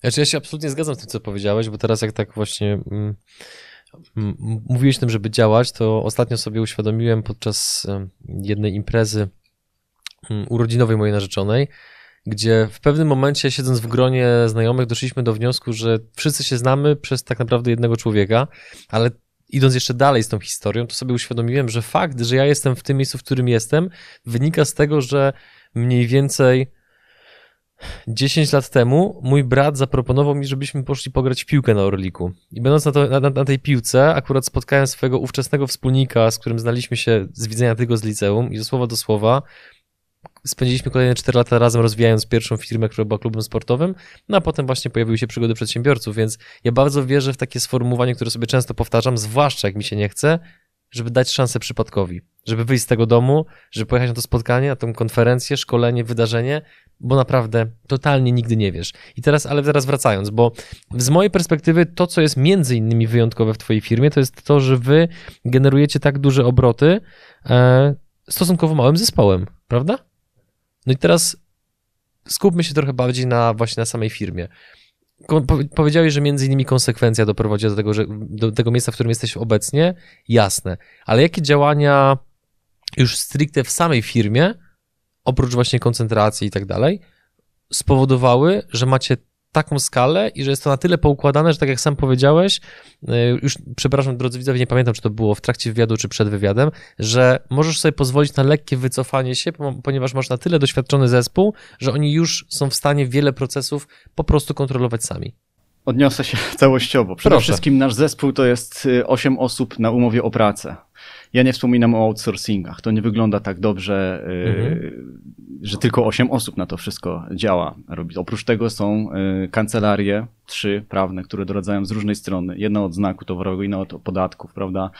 Jakieś umowy. Przekształcenie się w spółki miało miejsce tam dwa lata temu, tak? To bardzo sobie cenię z jednej strony ogromna ilość stresu, no bo wierz mi, wierz mi, ci, co są na JDG, myślę, że dużo osób nas ogląda, którzy są na JDG, przekształcenie się w spółki to jest stres na chwilę. Takie zamieszanie jedno wielkie, a potem nagle jedna wielka ulga. Jak widzisz te oddzielne majątki, jak czujesz ten CIT 9%, co jest rajem podatkowym, umówmy się, tak? Póki co jeszcze. kiedy, kiedy stanie się to już nie częścią ciebie, jakoś tutaj się wszystko łagodzi. Droga przedsiębiorcy to jest, y, to jest stres cały czas. Jakby godzenie się na nią, wejście w nią, to jest y, nigdy, nigdy nie będziemy tak do końca spokojni, ale my tego właśnie chcemy. Przed chwilą o tym sobie powiedzieliśmy, bo przyjdzie łatwiejszy dzień albo jakiś trudniejszy humor czy coś w tym rodzaju, prawda? Będzie, będzie po prostu gorszy dzień, tak? No to firma nas trzyma w tym, w tym pędzie, o którym ty mówiłeś, tak, że pójdę i, i nastąpi efekt motyla, spotkam mhm. kogoś w parku i tak dalej. Jeśli by nie było, jeśli nie byłbym przedsiębiorcą, nie byłoby tych efektów ubocznych i, i to wszystko by się nie rozwinęło. Ale wracając, wracając do twojego pytania, yy, pilnowałem wysokich marży, odpowiadając tak wprost. Pilnowałem wysokich marży, żeby... Czyli nie walczyłeś ceną? Nie walczyłem ceną i to też się wzięło Taki mechanizm widzę w mojej głowie. Starałem się zawsze oferować to, czego, czego bym sam oczekiwał, to jest truizm oczywiście, ale yy, jak robiłem następny projekt już po studiach, mój kolega wymyślił coś spektakularnego, że samochody stojąc na parkingu, tam były takie tematy z gradobiciem, kiedyś tam, nie pamiętasz pewnie, 10 lat temu. Yy, spadł deszcz i pobijał lakiery, szyby i tak, tak dalej. Grad, tak? Mhm. I to miało być coś takiego, że z podziemi wyjeżdża centralnie taka plandeka i okrywa samochód. I to było coś takiego mega innowatorskiego nam się wydawało. My nie wiedzieliśmy, że błądzimy bardzo, bardzo głęboko, że jak, jak, jak wysoki jest stopień skomplikowania, ile serwisu, czy to w ogóle jest możliwe do zrobienia, żeby to działało na jakąś skalę. Prototyp byśmy zrobili, ale no po prostu mhm. ja wiem już, wiesz mi, że, że tego się nie da tak łatwo zrobić z pozycji. Pieniądze są w skali. Tak. E, Potem była taka wersja lightowa, że to jednak nie z podziemi, ale, ale y, stałoby na ziemi takie coś złożone, tak jakby. Ale y, ten szalony projekt, który nigdy nie miał raczej y, prawa się udać, spowodowało, że zacząłem, zacząłem szukać rzeczy do tego projektu, elementów wykonawczych, siłowników, tak, elektrycznych, które by to wszystko pchały, które by tym sterowały, prawda, na pilota i tak dalej. I z tego powstała firma tak naprawdę. To był prawdziwy początek. Nieudany projekt, porażka. Był tak? początkiem udanej firmy. Był początkiem firmy. Kupiłem y, te elementy wykonawcze. Byłem zachwycony. Jak długo tego szukałem, aż wreszcie znalazłem to, co trzeba. I w bardzo dobrej cenie. I nagle facet z tego sklepu mówi mi, że tak już wiesz, rozmowa taka dwóch fachowców, nie? Taka przy okazji, że to im w ogóle nie schodzi. Panie Konradzie, do czego pan to używasz? Tak, a taki innowatorski projekt, coś tam robimy, myślimy. Wie pan, nie schodzi nam. A ja mówię, coś mnie tknęło jeszcze chyba po tych allegrowych doświadczeniach z młodości sprzedajcie mi cały ten towar, jak wam nie chodzi, tylko w dobrej cenie. I naprawdę sprzedali za jedną trzecią y, ceny, tą, którą mieli detaliczną na sklepie. Przy mhm. okazji się nauczyłem, że marże są po 200%, tak, na takim sprzęcie. Kupię całość. To było zaledwie 60 sztuk. Ja napisałem do tego ofertę innych zastosowań, mnóstwo zastosowań, rozumiesz? Mamy jedno zastosowanie jakieś ich, tak? Załóżmy przedstawianie anteny satelitarnej, a ja napisałem otwieranie włazów, klap, do tego, co się nadaje w domu, różne ułatwienia, przestawianie pozycji czegoś i, i tak dalej, plus sterowanie. Czy widziałeś więcej niż oni? Widziałem więcej niż oni, znikło. Rozeszło się bardzo szybko, na dobrej y, stawce, bo to sprzedawałem już po cenie detalicznej, czyli 200% marży. I pojawiło się pytanie, skąd wziąć większą ilość towaru, bo nie było mhm. za bardzo. Już nikt nie chciał sprzedać, wiadomo, takiej hurtowej w Polsce i tak dalej. No i trafiłem w ten sposób na y, Chiny, mhm. na, na fabrykę w Chinach, która to produkuje. Co prawda to jest długa droga y, i, i, dużo by tu opowiadać, ale za, to tak naprawdę trzeba powiązać się z jakimś człowiekiem, który jest tam na miejscu, zrobi sprawdzenie, zapłaci się mu za to i, i jak się, jak się takiego człowieka znajduje? No bo y, Wiesz, dzisiaj, dzisiaj już łatwo. Dzisiaj już łatwo, ale to A. opowiedz o tym troszeczkę więcej, no bo mhm. ja czasami się spotykam z takimi głosami, jak, jak rozmawiam właśnie z różnymi ludźmi, że jak myślą o generalnie współpracy z Chinami, no to na przykład właśnie jakiś, jakiś handel internetowy, tego typu rzeczy, jakiś AliExpress, a ty współpracujesz bezpośrednio z fabrykami. Więc jak wyglądał ten moment, kiedy poznałeś tego właściwego człowieka i udało ci się nawiązać wieloletnią współpracę właśnie z dostawcami chińskimi? Wtedy były fora internetowe popularne. Nie było popularnego jeszcze Facebooka pod względem rozwoju jakichś mhm. stron, firm i tak dalej. Więc yy, na forach gdzieś znalazłem człowieka, który mówi, się tym zajmuje, ogłasza się, rozmawiam, sprawdzam, czy jest wiarygodny na swój To był sposób. Polak, czy nie? To był Polak, tak, mhm. który jest gdzieś, yy, wiadomo, jeździ po świecie, tak, I, i, i po prostu no, wszechstronnie gdzieś tam działa. I zrobił to za, za 300 dolarów bodajże wtedy. Zrobił, zrobił znalazł, co? Znalazł fabrykę. Mhm. Powiedział, ci produkują to. Już działała wtedy Alibaba, takie portale dziwne. Nie pamięta się o tym, jak jest AliExpress, ale, ale Mhm. działały takie Made in China.com, pamiętam, działało. Ale to jest niebezpieczne samemu próbować, nie? Mhm. E, natomiast jak już ktoś daje raport, ktoś już bierze za to pieniądze i jeszcze inni trochę go polecają i jeszcze osobiste takie sprawdzenie człowieka, typu no, nie wiem, jest transparentny, mówi rzeczy, których na przykład nie musiałby mówić, tak? Na swoją niekorzyść trochę. Oszust tak nie robi tak do końca. Chociaż Mhm. wiadomo, różnej klasy są oszuści, ale yy, no sprawdziłem po swojemu i troszeczkę zaryzykowałem. Mówię, dobra, to na podstawie tego jednego raportu ja już jestem w stanie wysłać kilkadziesiąt tysięcy dolarów oszczędności za granicę. To już przesadzam, kilkadziesiąt tysięcy złotych, bo to było kilkanaście tysięcy dolarów, więc tam powiedzmy 30-40 tysięcy złotych na tamte czasy. Tuż po studiach, no to kosmos dla mnie, tak? Nie odczuwałeś strachu robiąc ten? Odczuwałem, ale jednocześnie odczuwałem euforię. Wtedy ja już wiedziałem, że coś z tego będzie. Po prostu wiedziałem, że Mhm. no, kleiło się to wszystko, w papierach się to kleiło. Mhm. Że to jest droga, która być może tak się otworzy, jeśli to przejdzie, to ja już to powtórzę. To już wejdę w taką skalę, że... Więc po prostu no, poczułem krew i, i poszło do przodu. Jakie są, tutaj ci przerwę, jakie Tak. są czerwone lampki, które powinny się zapalić przedsiębiorcy w głowie, który szuka mm, kontaktu handlowego w Chinach? Jakoś tak zbyt łatwo jak będzie. Fabryki y, nie są takie otwarte, są zajęte. Jak będzie bardzo łatwo, jak sales manager tak zwany, czyli człowiek, który przedstawia fabrykę, bardzo ładnie odpowiada na maile, piękną angielszczyzną, y, na wszystko się zgadza, negocjuje cenę w dół bez stawiania jakichś barier, no to mamy do czynienia z oszustem praktycznie na pewno, tak? Mhm. Bardzo przestrzegam przed zmianą numeru kont. Jak wyszła jedna transakcja, to już jest drugi level, to bardzo dużo wpada e, nie wiadomo skąd. Muszą mieć po prostu słabe zabezpieczenia w Chinach. Wpada, że zmieniliśmy numer konta z tego samego maila z fabryki i raz nawet daliśmy się naciąć. Na ile? 12 tysięcy dolarów w tamtym roku już było śmieszniej. Mhm. Rozumiesz, czyli już rozwinięty biznes, wszystko było poukładane, ale to fabryka zawiodła. Fabryka na zabezpieczeniach zawiodła. Niestety, próbowałem tam znaleźć jakkolwiek moją winę w tej całej sytuacji, ale straciliśmy to, ponieważ ktoś się podszył pode mnie, nie sprawdzili maila.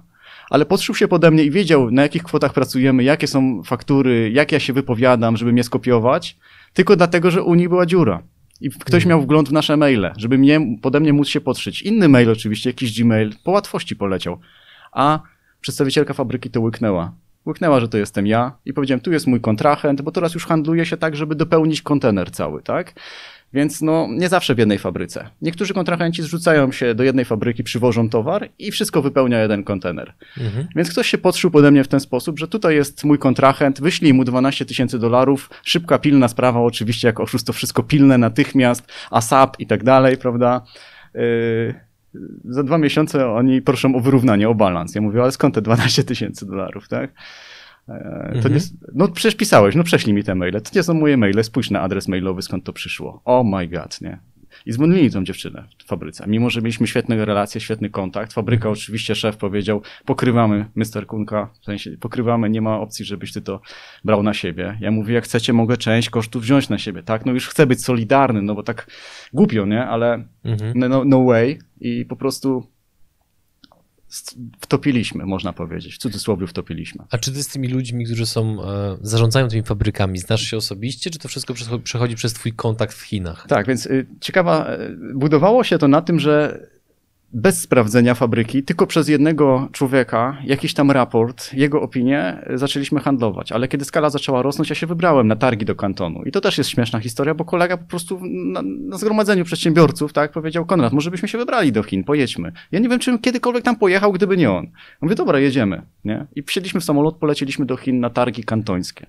I tutaj y, tip dla widzów, jeżeli ktoś nie wie, nie umie się odnaleźć, szuka inspiracji, niech tam jedzie. On jak tam wejdzie, to już nie wyjdzie. Po prostu te targi się śnią po nocach, tam jest nowa technologia, tam są rzeczy, których u nas nie widzimy. My jesteśmy zacofani po prostu Mhm. tutaj w swoich rejonach. A co na przykład widziałeś, co cię zas- zas- zas- zaskoczyło, skoro tak no, Siedem rozbudziłeś lat, nasz temu, apetyt? siedem lat temu drony pięknie sterowane, stojące w miejscu na targach i firma, która to dystrybuuje do różnych celów, prawda? E, Jakieś tam gadżety też, tak? Bardzo ciekawe, jak się kręci wiatrak, jakiś napis się pojawia. No, mnie to inspirowało, ja czegoś takiego wcześniej nie widziałem. Jakie ceny? Człowiek wchodzi w świat, w świat tych cen. Pamiętam w głowie, żeby tak, bo to już trudno jest zebrać myśli. Miałem taki przelicznik, razy 10, tak? Jeżeli w dolarach jest 3 dolary, ja mnożę przez 10, 30 złotych, Sprawdzam na Allegro, czy gdzieś tam, ile to w Polsce chodzi. Jak jest 40, 50, to znaczy, że jest wyżej niż 30, wchodzimy, a jeśli jest poniżej, to nie wchodzimy. I zobacz, już w tym się zawiera już marża około 200%, tak, czy tam 150 na tamte czasy. Teraz Tak. jest dużo trudniej, tak. Ta, ta, te luki wszystkie są powypełniane, internet przyspieszył, wymiana informacji przyspieszyła, ale skala u mnie się zwiększyła, więc też też to Mhm.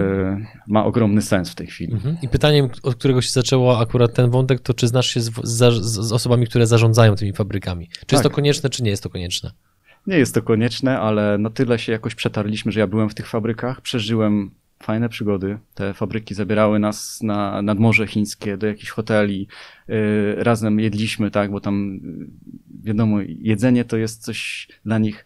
yy, To jest podstawa, żeby w ogóle przełamać jakieś relacje, żeby się spotkać, Mhm. porozmawiać i, i, i te kręcące stoły, prawda, w restauracjach. No to są niesamowite rzeczy, niesamowite przeżycia, jak i nabrali ochoty i przylecieli do nas, do firmy. Ja Mhm. też ich w ten sposób podobny musiałem ugościć. W rejonie Szczecina, prawda, i naszych skromnych tutaj jakichś okolic, co mogłem, to po prostu Mhm. zrobiliśmy. I to był szef fabryki, właściciel fabryki stuosobowej, tak, który nie umiał po angielsku mówić, miał ze sobą tłumacza. I, tych, Mhm. i w ten sposób w tym zacnym gronie jeździliśmy sobie, zwiedzaliśmy y, rzeczy, na które oni zwracali uwagę, y, dla mnie są zwykłe po prostu, tak. Tak patrząc z perspektywy lat i na bazie twoich doświadczeń, Mhm. Co jest kluczowe w budowaniu dobrych stosunków handlowych z Chińczykami? Spotkanie się na pewno dużo tutaj pomogło. Tak? Spotkanie się osobiste, nauczenie się trochę ich kultury. Tylko kiedy spotykasz się z czymś takim, że oni się uczą naszej też kultury jednocześnie i to oni chcą przed nami zabłysnąć z zachodnią e, kulturą, jakimiś sformułowaniami, e, na przykład w topę zrobili, bo życzyli mi wszystkiego najlepszego na święto dziękczynienia, tak. Coś im się pomyliło po prostu z Stanami Zjednoczonymi. Starali się. Tak, starali się, ja to bardzo doceniam. I, I w drugą stronę, kiedy ja próbuję, prawda, uczyć się ich nawyków, podawać wizytówkę dwiema rękami, wyraz szacunku, czy jakieś podstawowe zwroty po chińsku, to są świetne przygody, tak? E, ale co jest najważniejsze? Najważniejsze, że biznes się musi spinać. Musi być dobra jakość, tak? No umówmy się, tak? To, to, te rzeczy podstawowe tutaj grają rolę. Musi być dobra jakość fabryki. Muszą potrafić wybrnąć z sytuacji. Przecież jak coś źle wyprodukują, to jest świetne, sprawdzam, tak? My mówimy o fakcie, dajemy cały raport wideo. Znaczy w tej chwili jeszcze głębszą mamy współpracę, bo my im dajemy wytyczne pod produkcję. Tak jakbyśmy my byli producentem, a oni tą fabrykę jakby nam wynajmowali prawie, że my zrobimy tak, jak wy powiecie, prawda?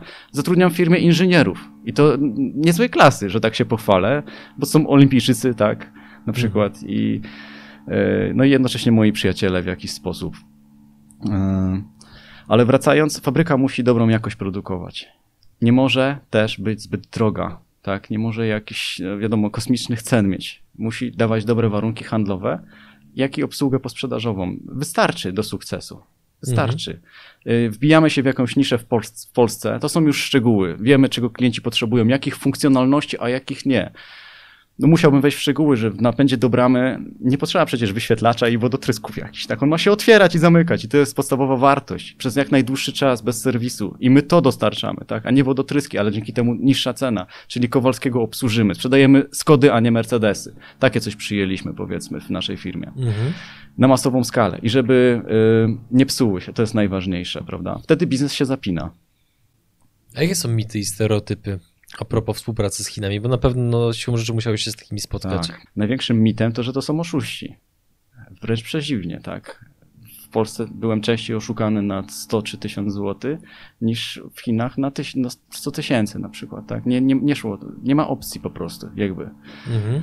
To są moje obserwacje, tak. Chiny są bardzo, Chińczycy są rzetelni po prostu. Oni starają, znaczy no, każdy ma swoje doświadczenia. Według moich doświadczeń to jest, kiedy na przykład pomyliłem przelew i było tam na papierze ewidentnie, że no, y, kupujemy zasilacze od innej firmy, y, czyli zmieniamy dostawcę, czyli policzek dla starego dostawcy, bo niestety zawiódł, tak?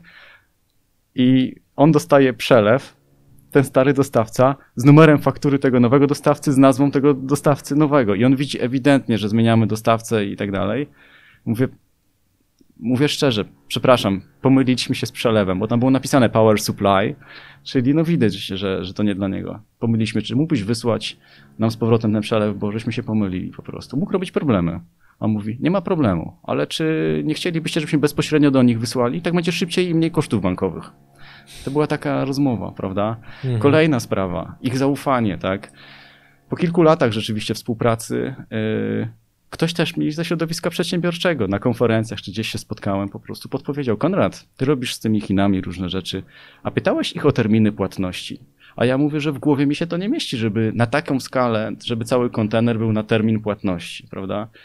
Kilkadziesiąt tysięcy dolarów, tak. No to ich tylko zapytaj, tak? No to zapytałem. I to było śmieszne, bo ja w mailu nic nie, nie wiesz, nie negocjując, nie, nie, nie robiąc jakiejś otoczki, napisałem jedno zdanie po angielsku, czy, mógłbyście, czy moglibyście dać mi termin płatności ewentualnie? I dostaję odpowiedź, OK. Prawda? Mhm. Więc nie wiem, czy ja miałem szczęście, czy po prostu jest taka kultura biznesu. Okej, ja własnym oczom nie wierzę, patrzę na to, czy dobrze czytam, czy to mail od nich, tak? No dobra, no to jedziemy. I kilka miesięcy później, kiedy zamówienie i tak dalej, co prawda depozyt jest 30%, zawsze się wpłaca, ale balans 70%, yy, nie chcieli. Nie chcieli, spytali się tylko, kiedy możesz zapłacić, tak? To prośba, żebyś przed następnym zamówieniem zapłacił i na te tory schodzi rozmowa, tak? Mhm. nie, y, chcę być uczciwy i powiem, że teraz już to nie funkcjonuje, bo teraz świat zwariował, tak? Tr- Ceny transportu podrożały razy 8 w stosunku do poprzedniego roku. Yy, Fabryki są zajęte na 200%, tak? Czeka się na terminy w ogóle produkcji. Teraz już to nie działa, tak? Ja sam z siebie w ogóle już nawet nie czekałem na nich, z inicjatywy wyszedłem, przedpłacam, przedpłacam, produkujcie tylko szybciej, macie tu przedpłatę, róbcie, prawda? Mhm. W tej chwili tak to działa. Myślę, że Twoich dostawców z Chin omówiliśmy e, w miarę szczegółowo. Oczywiście pewnie mógłbyś o tym opowiadać godzinami, ale przejdźmy proszę do kolejnego wątku, no bo e, wielokrotnie już podczas tego wywiadu wspominałeś o tym, jak dobry masz zespół. Więc co zrobiłeś takiego, że udało Ci się skompletować drużynę A? Zacznę od tego, że ja jestem hamulcowym firmy prawdopodobnie i każdy mniej więcej w moim etapie to już słyszę od różnych doradców, tak, mentorów, że człowiek w pewnym momencie, który umiał napierać, od samego początku staje się hamulcowym. Według mnie jestem w tym momencie trochę, ponieważ bardzo rzadko i e, powściągliwie zatrudniam nowych współpracowników. Tak. Y, Efektem tego jest bardzo niska rotacja. Wszyscy się świetnie znamy. Robimy sobie tam po prostu w firmie no, drugi dom praktycznie. Czy więc co chwilę obchodzicie urodziny kogoś? Bez przesady, to nie o to chodzi. Nie urodziny. Okej. Etos pracy funkcjonuje, Mhm. tak, ale odpowiedzialność. Yy, no, ja nawet nie chcę wymieniać bolączek innych firm z, z pracownikami. U nas jest tak, jakbyśmy byli już troszeczkę współodpowiedzialni wszyscy za to wszystko, co robimy. U was bolączek nie ma? Przyznaję, że Mhm. niespecjalnie. Niespecjalnie, ponieważ bardzo staram się y, tych ludzi dopieszczeć. Najbardziej szanuję tak naprawdę mój zespół z całej firmy. I to jest dla mnie chyba wartość numer jeden, z której jestem dumny. Mhm. I to jest, to jest to, że ja się tam po prostu dobrze czuję i widzę, że inni się dobrze czują. Y, Postawiłem sobie za cel płacić więcej niż rynkowa, y, dawać więcej niż inne firmy dają. Atmosferę wprowadzić prawie, że no właśnie nie powiem, że domową, bo domowa to jest luźna. Ona, Mhm. Tam jest y, delikatny taki poziom napięcia, ale pozytywnego. Takiego, że ciśniemy wszyscy, ktoś się wysypuje, drugi mu pomaga, pyta, co jest grane. To się długo budowało, tak? Ale efekt uboczny jest taki, że bardzo y, jestem powściągliwy, jeśli chodzi o zatrudnianie kogoś nowego. Widać ewidentnie, rynek krzyczy więcej kadr, więcej zasobów, więcej magazynów, więcej wszystkiego, a ja mm, no nim kogoś zatrudnię, to przewałkujemy go wzdłuż i wszerz. Może jeszcze nie teraz, poczekajmy. Ale to właśnie to bycie hamulcowym to jest twoja świadoma decyzja, czy to jest efekt tego, że e, brakuje ci jakiejś kompetencji, czy, czy coś takiego? Żeby było jasne, nie sugeruję żadnej odpowiedzi, tylko próbuję zrozumieć, Tak. bo mówisz o tym w sposób taki, przynajmniej na razie, troszkę enigmatyczny, że ciężko jest wychwycić, czy bycie hamulcowym to jest świadomy kierunek działań, czy po prostu no tak jest. Stało się coś takiego, że ja nie jestem mm, pewien, ile energii się tak naprawdę wkłada, kiedy się konfiguruje dobrą kadrę jakąś. Nie jestem tego po prostu pewien i mam jeszcze takie myślenie, że dużo się energii w to wkłada. Bo przy małej firmie to jest właśnie jeden wielki hamulec. Gdyby ta firma miała 50 osób, a ona już ma zasoby, żeby być, w- iść w kilkadziesiąt osób, tak? I bez może mniej outsourcingów finansowo by się zapięło. Ale po prostu człowieka hamuje coś takiego, bo y, nie jest moim celem wkładać teraz więcej energii w firmę, koncentrować się i tak dalej. Nie pokonałem jeszcze tej bariery, którą słyszę od innych, że luzujemy to. Wy, wydeleguj y, zatrudnianie ludzi i zwalnianie, tak? Ja jeszcze tego nie potrafię. Jeszcze Mhm. do tego nie doszedłem. I teraz dopiero uświadomiłem sobie to, że że jestem hamulcowym w pewnym sensie. Natomiast gdybym tak zupełnie umiał się, umiał odpuścić, wycofać się i powiedzieć, dobra, to co było, to było, A co było? już czas na mnie. No było to, że byłem zaangażowany na maksa. Operacyjnie bardzo byłeś, tak? Operacyjnie, okay. ale i no przejmowałem się po prostu. Każd każdego człowieka starałem się jakoś prześwietlić, zrobić coś takiego, żeby, żeby grał charakterologicznie. To jest bardzo dobra wartość teraz. To już działa. Trzon firmy jest zbudowany na tym. Mm -hmm. I działy. I to są kierownicy działów tak naprawdę, tak? No jakby to powiedzieć, mamy 8 osób, z czego pięciu jest kierownikiem jakiegoś działu, tak? Mhm. Słyszysz, jak to brzmi. Dziwnie, prawda? No, ale tak to działa. Wyjątkowo. Jesteśmy, jesteśmy gotowi do właśnie już teraz zatrudniania pod nich kolejnych osób i zwiększania skali.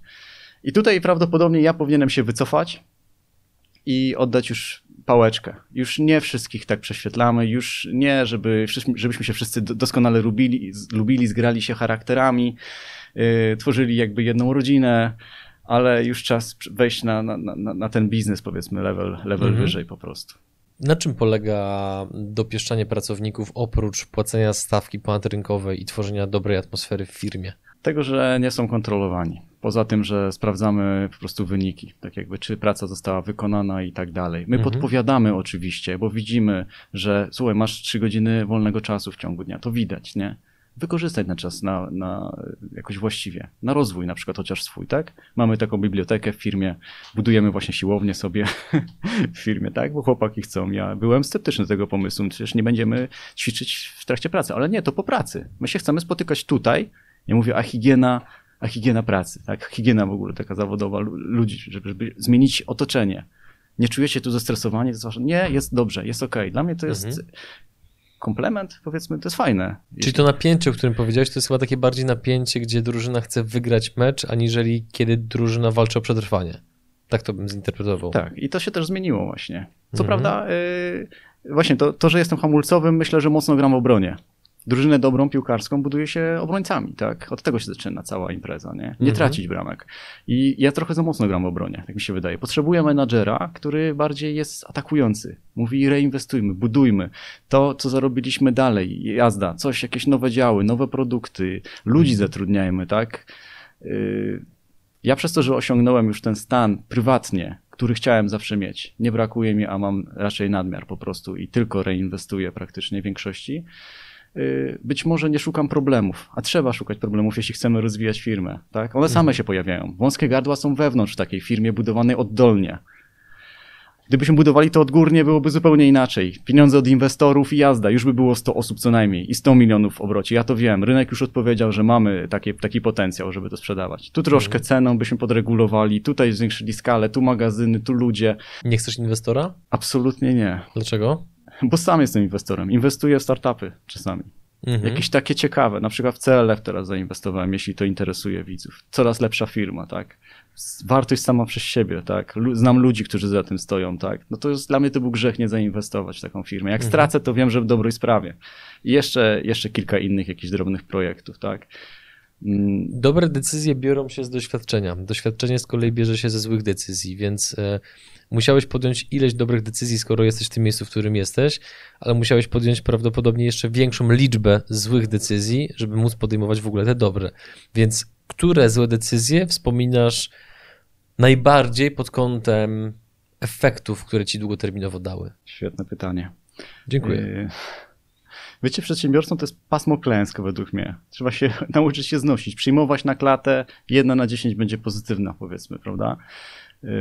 Z tych, które najbardziej mnie jakoś dotknęły, no to, to były jakieś epizody z Urzędem Skarbowym, tak? Kontrola, kiedy jeszcze z żoną nie byliśmy małżeństwem, y, mieliśmy duży problem, bo sobie przelewaliśmy po prostu pieniądze między kontami. Pani w urzędzie mówi, że konkubinat nie jest uznawany, prawda, Nieważne, że jesteśmy narzeczonymi, że już jesteśmy szczęśliwym małżeństwem, teraz, już dzisiaj, od kilkunastu lat, ale wtedy to był problem. Cofnęli się do tego czasu i powiedzieli, mhm. nie rozliczajcie się w ten sposób, bo wam liczymy darowizny 20% plus odsetki karne za te wszystkie lata, prawda? wow. Tak, ale znaleźliśmy sposób. Tylko to jest, to jest dłuższa historia. Okay. Eee, był epizod z zatrzymaniem towaru na przykład tak, który nauczył mnie, że trzeba budować drugi filar. Być może właśnie dlatego się też y, te nieruchomości pojawiły. Gdzieś tam na początku działalności celnicy, z czego się dowiedziałem bocznym kanałem, żeby się wykazać na koniec roku, złapali przedsiębiorcę na wprowadzeniu, to, wprowadzaniu towaru, który był, no, który należało uszlachetnić, bo brakowało mu instrukcji, niezgodności na tabliczce znamionowej, no szczegóły, tak? Złapali i odesłali towar z powrotem. Znaczy, ja miałem wybór. Mogłem zutylizować, pokazać certyfikat utylizacji towaru, za który zapłaciłem, tak?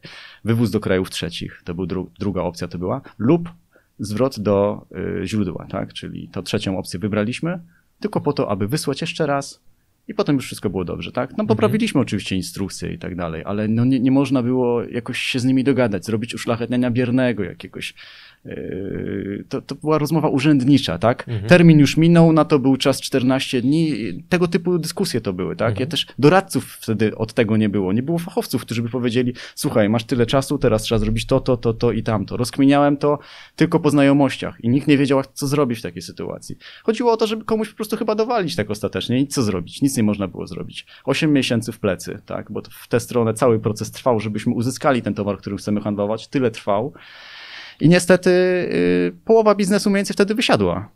No i wyobraź sobie sytuację, że masz y, no, brak towaru. Połowę, połowę mhm. nagle zjeżdżasz o połowę z biznesem, ze sprzedażą, ze wszystkim, bo jest po prostu brak towaru ale to nauczyło mnie, jak wykorzystywać czas nadmiarowy wtedy, tak, który się pojawił, na marketing, na internet, na różne rzeczy, dopieszczanie ofert, na sprzątanie starych jakichś tam, mhm. starego bajzlu, który się zrobił po drodze, kiedy firma wzrost, wzrasta i ma bóle wzrostowe, prawda? A miałeś taki moment, y, a propos właśnie trudnych sytuacji, że naprawdę się bałeś? No bo y, nie chcę umniejszać, ale te historie, które powiedziałeś teraz, to przynajmniej opowiadasz o nich z taką lekkością, że to tak wygląda jak to byłoby takie, wiesz, lekka, mała taka dziura na drodze, nie? I po prostu jedziesz sobie dalej. A w naszym programie już wielokrotnie były historie, gdzie przedsiębiorcy e, z odległości kilku centymetrów patrzyli prosto w oczy na przykład e, wizji bankructwa. Tak. Więc y, jestem ciekaw, czy w twojej, w twojej historii, w twojej drodze był taki faktycznie moment, gdzie były nieprzespane noce, potężny stres, utrzymujące się tygodnie, jak nie miesiące, czy może jednak na tyle rozważnie i ostrożnie podejmować pewne decyzje, albo miałeś na tyle dobrych doradców wokół siebie, że nie musiałeś przechodzić aż przez takie turbulencje. Powiedzmy sobie uczciwie, że te opowieści, tak, w internecie, które krążą, ich jest większość. Zrobiłem to tak, tak, potem to, potem tamto i wyszło. Jakbym wiedział po kolei, po których punktach skakać, to y, troszeczkę są bajki, tak? Nie wiedział nikt tak naprawdę. Chyba, że ten, kto już miał 60 lat i przeszedł i zakłada startup teraz z młodymi ludźmi, tak? ale z tych młodych przedsiębiorców nikt nie wiedział na czym stoi, jak skakać i tak dalej, więc strach absolutnie temu towarzyszył. To jest drugie imię, można powiedzieć. Każdy z nas się bał na początku, uważam. Co to będzie, jak to mhm. będzie, czy nie stracę mojego, moich zasobów finansowych, czasowych, emocjonalnych, czy się nie zniechęcę, tak, bo to jest najgorsze, nie? Dać się psychicznie sponiewierać. Pieniądze można zarobić, czasu jeszcze trochę zostanie zawsze po jakiejś klęsce, ale jak ktoś już straci, wiesz, motywację, tak, tego się chyba bałem najbardziej. I jakoś tam się zabezpieczałem, starałem się podejmować te decyzje w miarę rozsądnie, ale to nie była łatwa droga. Tak jak mówisz, kilka nieprzespanych nocy, na szczęście, może kilkanaście w sumie bym zliczył, tak? Takich, że naprawdę nie szło pospać, tak? Bo urząd skarbowy no to nie jest fajna zabawa, tak? To są pisma, to jest chłodny język, nikt ci nie powie, co masz robić, tak? No wiadomo, jak to jest w czasie kontroli. Lepiej to zlecić, wystawić kogoś na na ostrzał, w sensie mhm. przedstawiciela, tak, który wie, jak rozmawiać, który wie, jak pisać pisma, tak, i tak dalej. Y, lepiej w ogóle nie ryzykować, tak? Nie zadzierać, do tego też dążę. Tutaj miałem epizod z optymalizacją podatkową międzynarodową, tak? O tym mogę trochę opowiedzieć. Proszę. Więc... Udało się, czy się nie udało? Warto było, czy nie warto? Nie było warto ostatnio. W moim przypadku, tak? W moim przypadku nie było warto. Pojawiła się taka wizja i dopiero potem ja zrozumiałem, dojrzałem do tego, że to miało związek z ego, a nie z y, jakimś rozsądnym myśleniem rozwojowym, tak? Że być może gdzieś tam w środku chciałem się pochwalić koledze przy piwie, stary płacę zero podatku, nie? To brzmiało tak pięknie. W pewnym momencie, kilka lat temu, pojawiły się wielkie hasła w internecie, tak? Rajów podatkowych.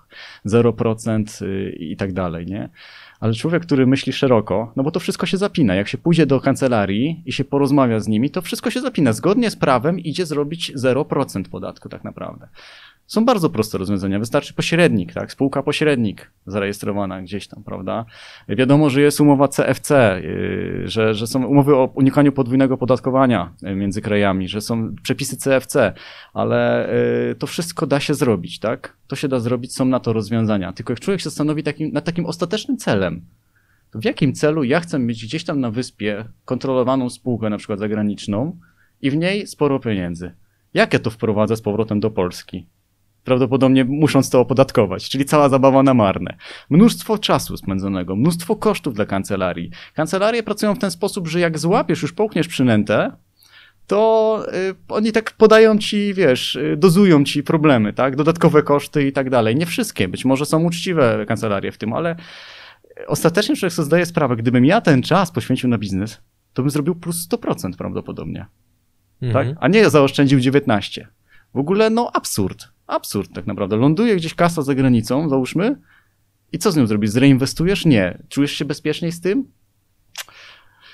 To jest głębszy temat. Ostatecznie u mnie po, po przemyśleniach to totalnie nielogiczne posunięcie. I ja nie zrobiłem tego ostatecznie na szczęście, ale wszedłem bardzo głęboko w tą drogę i po prostu się wycofałem, ponosząc koszt finansowy, czasowy, emocjonalny i alternatywny, bo w tym czasie y, zrobiłbym dużo ciekawych rzeczy po prostu. Być może nauka jest z tego plusem, że wiemy, że tak się nie robi, że raczej tam nie szukam. Może nie na tym etapie, co jestem, tak? Może to większe przedsiębiorstwo, to jest Mhm. droga dla większego przedsiębiorstwa. Nie dla mnie. Jakbyś mi odpowiedział na pytanie, które z przekonań, które miałeś w kontekście biznesu, okazało się bardzo nietrafione i musiałeś się go pozbyć? Które z przekonań? W co głęboko wierzyłeś? A okazało się, że nie masz racji. Wierzyłem w to, że jak się. Mm, że celem biznesu jest zarobić pieniądze. Mhm. A człowiek im jest starszy i im bardziej zaspokaja te swoje potrzeby, wchodzi w minimalizm, to go cieszy. Mniej rzeczy, a nie więcej. Mniej znaczy więcej po prostu. Yy, mniej stresu i dochodzi w końcu do wniosku, że nie było końca celem zarobić pieniądze. Za tym stoi jakiś inny cel zazwyczaj. Nasz wewnętrzny, osobisty. Coś chcemy zrobić ciekawego. Chcemy pracować z ciekawymi ludźmi. Chcemy przeżyć jakąś przygodę, tak jak teraz na przykład. Yy, Chcemy założyć fundację na przykład. Ostateczny cel teraz naszej firmy, kiedy rozmawiam ze współpracownikami, a tak głębiej już, to załóżmy fundację, niektórzy mówią, i to coraz więcej głosów, że kiedyś docelowo, tak, to nie jest y, doróbmy się i tak dalej. To, to się da zrobić, to jest łatwe już dzisiaj. Zarabianie pieniędzy jest proste, no umówmy się, tak, i dla ludzi, którzy wiedzą, co, co robią, już jakieś doświadczenie mają, tak, ale, ale taki wyższy cel się pojawia, tak. Mhm. Kiedyś miałem taki bardzo mocny przykład, jak ktoś udowadniał, mój, mój, mój przyjaciel Paweł Królak właśnie, który stoi za coraz lepszą firmą, udowadniał, y, że naszym celem nie są, nie są finanse. Bo jeśli tak, to, i to twardy przykład, to zajęlibyście się handlem ludźmi, narkotykami albo handlem bronią. To są najbardziej dochodowe branże i, i tak dalej. On dawał taki sk- skrajnie mocny przykład, tak? No i co? I Właśnie nie. I człowiek zaczyna sobie zadawać te trudne pytania, po co on to tak naprawdę robił, Mhm. i wychodzi na to, że tak. Minimalizm, w moim przypadku, minimalizm, chcę jak najmniej. Widzę, że to, to mi sprzyja mojemu szczęściu. Nie chcę dać dzieciom majątku przypadkiem. Na to trzeba uważać. Według Stanleya i Danko, tej, tej, tej, tej książki mm, Sekrety amerykańskich milionerów, niszczy się dzieci. Ja, chyba to nie trzeba być geniuszem, żebyśmy sobie wyobrazili naszą sytuację, gdyby nam rodzice dali jakiś duży majątek. Jak trudnej byśmy byli sytuacji. Jaka to by była odpowiedzialność, nie? młodzi ludzie nagle zostają i co zrobić z tym, z tym wszystkim, tak? No, pokus jest tyle dzisiaj, że, że współczuję młodemu człowiekowi. To co się stanie z twoim majątkiem? Z waszym majątkiem, który wypracowaliście z żoną? Że to nie jest tajemnica oczywiście. Nie, yy, nie mam aż takiego planu. Na razie Mhm, gramy jeszcze. w grę, na razie gramy trochę w grę zapętloną taką, bo szkoda jest ją porzucać. Serio, jestem w takim momencie. Szkoda Mhm. porzucić tą grę, ale na pewno pójdzie to wspieranie ludzi, zespołu, który najdłużej ze mną przetrwał. Ludzi, którzy byli od początku. Na pewno ich marzenia Mhm. spełnią się. To mogę powiedzieć publicznie.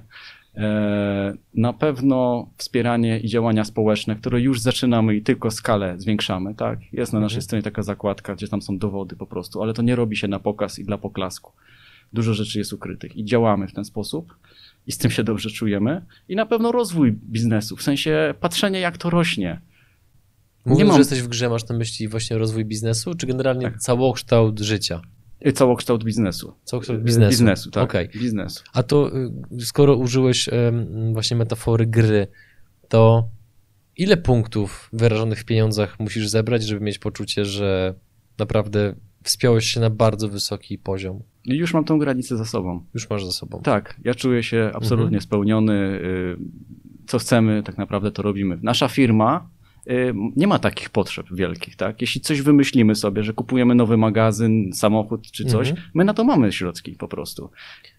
Mhm. A, tej- powiedz, a po- powiedz mi z innej strony, pozostając w temacie pieniędzy, bo to jest generalnie Tak. ciekawe z tego powodu, że e, ludzie, którzy ich nie mają, mają często określone wyobrażenie o tych, którzy je mają, co z nimi robią i tak dalej. W czym według ciebie większość ludzi jest w błędzie, kiedy myśli o ludziach zamożnych? No bo jesteś taką osobą. Tak. Więc na pewno nie raz, nie dwa spotkałeś się z sytuacją, gdzie ktoś ci coś powiedział, albo coś cię zapytał, albo coś ci zarzucił, co było dla ciebie tak absurdalne, wręcz idiotyczne, że zachodziłeś w głowę, jak ktoś mógł w ogóle na to wpaść. No, ludzie się grubo mylą. Yy, Od tego zacznę, według mnie, którzy, którzy nie mają, patrząc na tych, którzy mają, tak? Ewidentnie, yy, ewidentnie zmienia się sposób myślenia wraz z punktem siedzenia, kiedy oni jakby się sta, stają tym, tymi, powiedzmy, bardziej zamożnymi.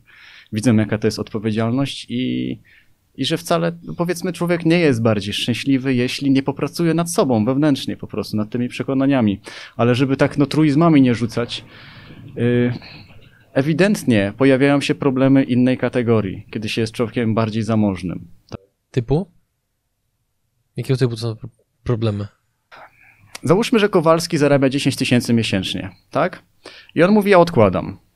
Inflacja wynosi 10% dla uproszczenia. I on odkłada. I mija powiedzmy 10 lat, tak? Czy, czy nie, 100 miesięcy mija, tak? I się robi milion złotych z tego. W pewnym momencie, chodzi mi o to, algorytm inflacyjny, tak? Że tak go nazwiemy, powoduje to, że to, co wkładasz do worka, to zlatuje w inflacji. Na początku rosło. Kiedy nie masz pieniędzy, to nie jest problemem. 10, 20 tysięcy, 30, 40, 50, dochodzisz do miliona i mówisz zaraz, przecież ja pracuję za darmo. Przecież to, co do- dołożyłem dzisiaj do mojego worka, to spada. Czyli już za darmo teraz robię, jak chomiczek taki galopujący. Więc co z tym zrobić? No muszę coś pójść dalej, muszę coś zainwestować. To jest problem. To jest problem. E, Ludziom, z ludźmi trzeba się dzielić, tak? Y, Nie można tego jakby schować.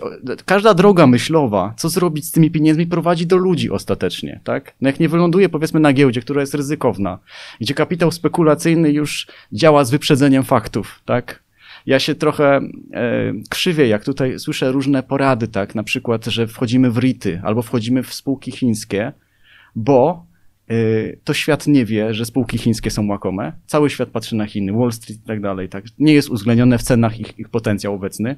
Dzisiaj są wyceniane na X i nie wiadomo, co się z nimi stanie. Tak samo RITy. Czy na Alasce będzie na przykład, tu była taka debata, w górę czy w dół. To nie wiadomo. Jeśli jest tam potencjał, świat już o tym wie, inwestorów. To są najinteligentniejsi ludzie świata. I ten kapitał spekulacyjny tam jest. Więc nie jest tak łatwo powiedzieć, co zrobić z milionem złotych. Czy wciśniesz na giełdę, kiedy tak naprawdę nie wiesz, w którym miejscu jesteś. Nie masz insiderskich informacji. Trzeba się zająć czymś konkretnym. Do tego dążę. Kupujesz nieruchomość, na której zarobisz 200% albo 100%, tak? albo będziesz ją do końca życia wynajmował, ale to wymaga też zaangażowania innych zasobów czasowych. Tak? To jest problem człowieka zamożnego. Od, wzięcie odpowiedzialności za te pieniądze. No bo szkoda to oddawać, szkoda to tracić. Może ludzi zatrudnić, tak? Błąd myślowy polega na tym, że myśli się o ludziach zamożnych, że to są jacyś jeszcze bardziej nastawieni na krwopicy, tak? Nastawieni na wyzysk, na szukanie jakiegoś łatwego zarobku i chcą więcej i więcej i więcej. Takie jest myślenie e, ludzi, którzy jeszcze się nie dorobili, powiedzmy. Ja to tak widzę. Mhm. I to jest ogromny błąd, bo tak mi się wydaje, z tego co ludzi poznałem zamożnych, tak, znacznie bardziej zamożnych ode mnie, z tego co poznaję sam siebie, ja mam zupełnie inny cel. Zupełnie inny cel. Bardziej mi się naświetlają cele społeczne. Wyprostowałem też wizję świata, patrzenia na świat. Że to nie jest tak, że, że on idzie, schodzi na psy, że, się, że ci wszyscy, którzy się podorabiali, chcą trzymać wszystko w ryzach i tak dalej. Ja widzę bardziej, że się chcą dzielić. Ja bardziej widzę działania społeczne, fundacje, działania bezsensowne z punktu finansowego widzenia, jak i sensowne w, w celu rozwijania przedsiębiorstw, polepszania produktów i tak dalej. Według mnie to wszystko, to wszystko gra dobrze y, na tym szczeblu. Tak? Mhm. To są bajki, które, na, które, które się opowiada, kiedy się jeszcze powiedzmy nie było w tym miejscu. I to jest to, co też niestety, to jest dramat hamuje tych ludzi. No bo jak się deprecjonuje ten poziom, to niego się nie chce na niego wskakiwać po prostu. Dokładnie. Zbliżając się powoli do końca naszej rozmowy, jeszcze chciałbym poruszyć z Tobą co najmniej dwa wątki. Pierwszy jest taki, że na pewno mm, przynajmniej raz w życiu mm, zdarzyło Ci się oglądać wyścigi Formuły 1. Tak. Więc nie jest dla Ciebie zaskoczeniem to, że bolidy osiągają prędkość nawet powyżej 300 na godzinę. Natomiast, żeby bolidy mogły jechać z taką, z taką prędkością, no to muszą regularnie zjeżdżać do pit stopu. W przypadku przedsiębiorcy tym pit stopem jest nasz dom. Więc chciałbym, żebyś powiedział, e, jaki udział w miejscu, w którym jesteś obecnie, gdzie pędzisz swoim bolidem, jaki udział w tym wszystkim ma twoja żona? Dziękuję za to pytanie, bo to jest przestrzeń dla mnie, żebym mógł szczerze podziękować, tak, mojej jest, żonie. To jest w ogóle element wspólny większości przedsiębiorców, którzy Tak. widzę, że są szczęśliwi, Tak. e, że mają po prostu stabilną i dobrą sytuację domową. I taka też jest u mnie sytuacja, tak. Są wzloty i upadki oczywiście, ale ważne jest, że jesteśmy razem i przechodziliśmy przez wszystkie problemy razem. I moja żona y, nie jest moją asystentką. To jest, to jest też przedsiębiorca. To jest, to jest kobieta, która nauczyła się księgowości na początku, kiedy ja potrzebowałem y, Wsparcia. wiedzy, wiedzy, Mhm. wsparcia.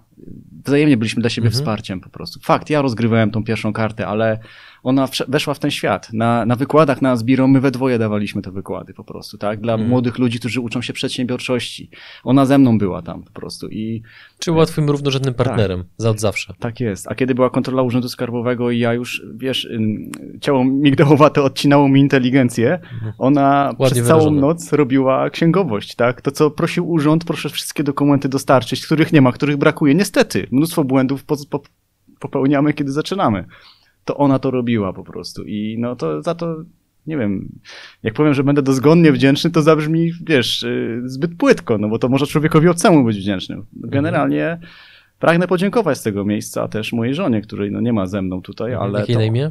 Karolina. Karolina, pozdrawiamy cię Karolina. I, I powinna tu siedzieć obok mnie, ale Mhm. wzięła ciężar, tak, moim zdaniem dużo większy ciężar na siebie prowadzenia synków, które nam się urodziły i, Mhm. i od pięciu lat jest wyłączenia, wyłączona zawodowo, za to też jestem wdzięczny, że mogę sam to wszystko w tej chwili prowadzić, że mam tak zgrany zespół, takich doradców, dwa biura rach- rachunkowe, które nas obsługują i kadrowe, y, że po prostu wszystko jest, to co ona robiła jest już wyoutsourcowane. Mhm. To ten wątek pociągnijmy. Nie wiem, czy odpowiesz mi na kolejne pytanie, ale zobaczymy. Prawdopodobnie również nie jest dla ciebie tajemnicą to, że generalnie współczynnik rozwodów rośnie, jest dość wysoki. E, Wynika to z różnych powodów, które nie chcę, żebyśmy za bardzo wnikali, ale sam byłem świadkiem wielokrotnie sytuacji, gdzie e, albo mężczyzna, albo kobieta chce rozwijać się pod kątem biznesowym, natomiast no, okazuje się, że mm, partner czy partnerka jednak nie wspiera za bardzo tej, tej, tej decyzji i mówiąc bardzo delikatnie jest hamulcowym, ale takim hamulcowym, że ten hamulec ręczny za tak dwoma rękoma jest trzymany. I teraz, czy z perspektywy lat masz jakąś taką sugestię bądź mm, jakby to powiedzieć ładnie, na co byś, co byś zasugerował młodej osobie, które, która dopiero stanie na ślubnym kobiercu, e, czym się powinna do, kierować w doborze partnera, partnerki, jeżeli chce iść w kierunku biznesu? Bo umówmy się, to jest zupełnie inna droga niż standardowa praca 9-17. To, jest, to, są inne poświęcenia, inną cenę się zupełnie płaci. Więc jakie cechy, Twoim zdaniem, taki partner, partnerka powinien mieć, żebyśmy mogli zakładać, że raczej będzie wsparciem podczas naszej drogi biznesowej, aniżeli e, hamulcowym? Mój kolega, przyjaciel, który jest właśnie po rozwodzie, mówił: Nie zrobisz zjeżdża nietoperza. I to mówił swojej byłej żonie, która dokładnie była w tej sytuacji, którą opisałeś. Natomiast ja będę raczej fanem pewnego mema, który gdzieś tam widziałem, że droga razem jest y, dłuższa, ale wolniejsza. Tak? Zachodzi się dalej, ale idąc trochę wolniej. Tak? Pytając o cechy, y, myślę, że tu nie, nie trzeba jakiejś wiedzy technicznej, szukać osoby, która ma z domu przekonania, bo to aż korci, żeby tak odpowiedzieć, z domu przekonania, że możesz wszystko i nie ograniczaj się, prawda, y, Mhm. y, finansowo czy coś w tym rodzaju, prawda, no bo każdy wyszedł z takimi przekonaniami, jak wyszedł i nawet y, najpiękniejsi są ci ludzie, którzy wyszli z bardzo złymi przekonaniami z domu, bo oni odwracając swoje życie o 180 stopni mają taką petardę w sobie, że okazuje się, że wcale nie jest tak, że masz jakieś cechy i to jest niezmienialne. Myślę, że najważniejsze jest y, wsparcie, troska wzajemna, tak? Jeśli tutaj będzie grało, tak? Jeśli będzie nam się kleiła gadka, wspólne cele, wspólne ideały, y, lubimy podróżować, załóżmy, tak? Y, Lubimy bezpieczeństwo w jakiś sposób, finansowy, no, że jeśli celem życia jest jakiś spokój, chociaż to jest oksymoron, bo bycie przedsiębiorcą jest samo w sobie niespokojne w jakimś, w jakimś sensie, tak? Ale jeśli akceptujemy pewien poziom ryzyka i, i przede wszystkim powtórzę, wspieramy się, wspieramy się, troszczymy się wzajemnie, to choćby facet był na przykład bardzo przedsiębiorczy, załóżmy, że tak to postawię, a kobieta byłaby hamulcowym, to ona go wesprze, tak?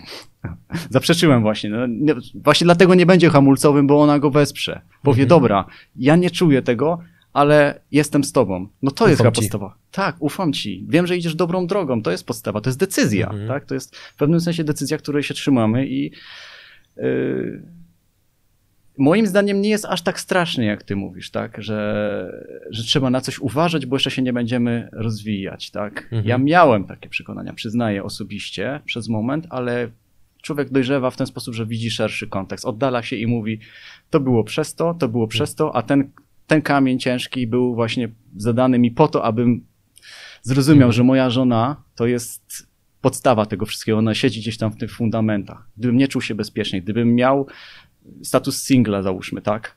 I innymi wartościami bym się kierował. No umówmy się. I nie przyłączyliby się do mnie ci ludzie, którzy się przyłączyli. Przyłączyliby się inni. Nie wiem, czy bym dał sobie radę. Mhm. Ludzie się przyłączają do wartości, tak? Na rozmowie kwalifikacyjnej mówisz wartościami. Czym się kierujesz, tak? To nie jest może, wiesz, kwestia, że jak jesteś singlem, to cię nie zatrudniamy. Absolutnie nie to mam na myśli. Ale już palenie papierosów coś mówi o człowieku na przykład, tak?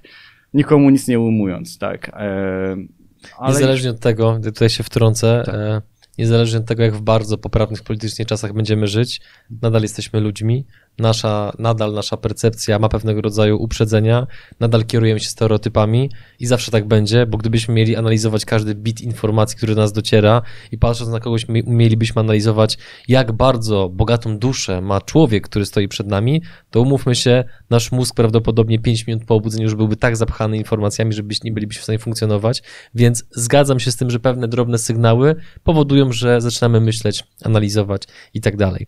E, zadam Ci teraz pytanie, które E, o którym być pewnie wiesz, że osoby, które były na rozmowach kwalifikacyjnych, traktują je w kategorii memu, żartu, korpomowy. Ale ja to pytanie zadam po to, żebyśmy mogli, żebyś ty mógł kiedyś do niego właśnie wrócić i zobaczyć, czy miałeś rację. E, gdzie e, Konrad Kunka będzie za 5 lat? Dobre pytanie, co? Petardę, zwaliłeś Dziękuję. mnie po prostu z krzesła. i mam pobawić się w jasnowidza, mhm. tak? Żebyś mógł za 5 lat wrócić do tego wywiadu tak. i zobaczyć, czy miałeś rację. Wiesz, co ci powiem? Co powiesz na dewelopera, który buduje nowoczesne osiedla, domków parterowych, klasy premium, e, z fotowoltaiką na dachu, pasywnych albo zeroenergetycznych. Dlaczego? Bo widzę już pewien schemat, który się u mnie w życiu powtarza wielokrotnie i zawsze działał. Szukałem pomieszczeń na wynajem, zaoferowałem pomieszczenia na wynajem, takie jakie bym sam wynajął. Szukałem siłowników, znalazłem siłowniki. Szukałem różnych rzeczy, zaoferowałem i działało. Tak? Może mam jakiś taki yy,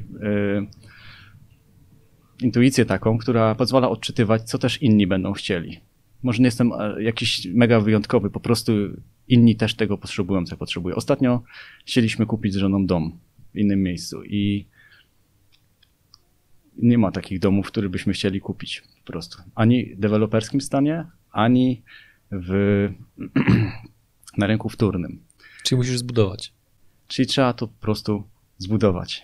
I dlatego taka wizja mi się pojawiła, bo teraz mam, mamy też dużo możliwości. Poza inwestycjami, o których mówiliśmy, pojawiła się inwestycja w ziemię też. I ta ziemia też już odstała, odleżała kilka lat, jest w dobrych miejscach, z planem zagospodarowania i pojawia się wizja deweloperska, ale nie jestem pewien, czy to się uda zrealizować. Mhm. Po prostu klasy premium. Coś klasy premium, na pewno to jest słowo klucz, tak? Nie bliźniak y, na jakichś najtańszych kosztach i ogłoszenie wielkie dom w cenie mieszkania na mhm. przykład, ale to, to jest popularne i to jest fajne, tak? No bo mało płacisz, masz y, ogródek i tak dalej, jest. ale pójść jeszcze o krok dalej. Mhm. obejrzeć za tą klasą premium. A mentalnie, jako ojciec, mam nadzieję, mąż i przedsiębiorca, wystarczy mi to, co mam, utrzymać ten level, utrzymać ten poziom y, koncentracji, wartości przede wszystkim, tak? Nie rozwieź się z żoną, jak już powiedziałeś, prawda? Ja, są ja wysokie- trzymam kciuki, żebyście byli e, do grobowej deski razem, to ja tylko mówię o statystykach, o A ja chcę tylko przez to powiedzieć, że wysoko poprzeczki nie będę sobie stawiał. Tam, Mhm. gdzie poniesie fala, tam będę po prostu, nie? Tak jak dzisiaj fala gdzieś tutaj do was, do studia poniosła. To był dla mnie zaszczyt. Szczerze dziękuję za to. Konrad, no to, znaczy inaczej, zaskoczyłeś mnie tą końcówką zdania. Bardzo dziękuję za tak ciepłe słowa. Ja ci przede wszystkim chciałem powiedzieć, już właśnie zamykając naszą rozmowę, że jestem pod ogromnym wrażeniem twojej otwartości, twojej szczerości. Mm, Ta liczba prawie 200 wywiadów, którą dotychczas przeprowadziłem, tak sobie przynajmniej tłumaczę, pozwala mi wyczuwać, kiedy ktoś faktycznie jest mocno mentalnie poukładany, a kiedy ktoś jest napięty jak plandeka na żuku i próbuje coś udowodnić, więc y, ty absolutnie jesteś w tej, tej pierwszej opcji. Czuć taki luz i spokój od ciebie, wynikający chyba z takiej twojej wewnętrznej zgodności, że osiągnąłeś, mówiąc y, trochę biologicznie, taką chyba zawodową i życiową homeostazę, więc y, absolutnie szanuję. Rozmowa z tobą była dla mnie ogromną przyjemnością. Dziękuję ci za taki poziom otwartości, za podzielenie się całą historią. E, I mam nadzieję, że to, co powiedziałeś a propos tego przewidywania w kontekście pięciu lat, że się absolutnie sprawdzi i będziesz mógł kolejnym osobom e, służyć swoją pracowitością i e, swoją kreatywnością. Dziękuję Ci bardzo za rozmowę. Również dziękuję i wam życzę wszystkiego co dobre, aby kanał się rozwijał taką petardą jak teraz, do przodu. Dziękujemy bardzo. Drodzy widzowie, słuchacze, wszystkie linki potrzebne do kontaktu z firmą Konrada znajdują się oczywiście w opisie filmu. E, Braw nie możemy zrobić, no bo nie jesteśmy wszyscy razem w jednym miejscu, ale chociaż możemy dać łapki w górę pod filmem dla e, Konrada, a my tymczasem żegnamy się z Wami. Dziękujemy za wspólnie spędzony czas i do zobaczenia w kolejnym odcinku. Cześć.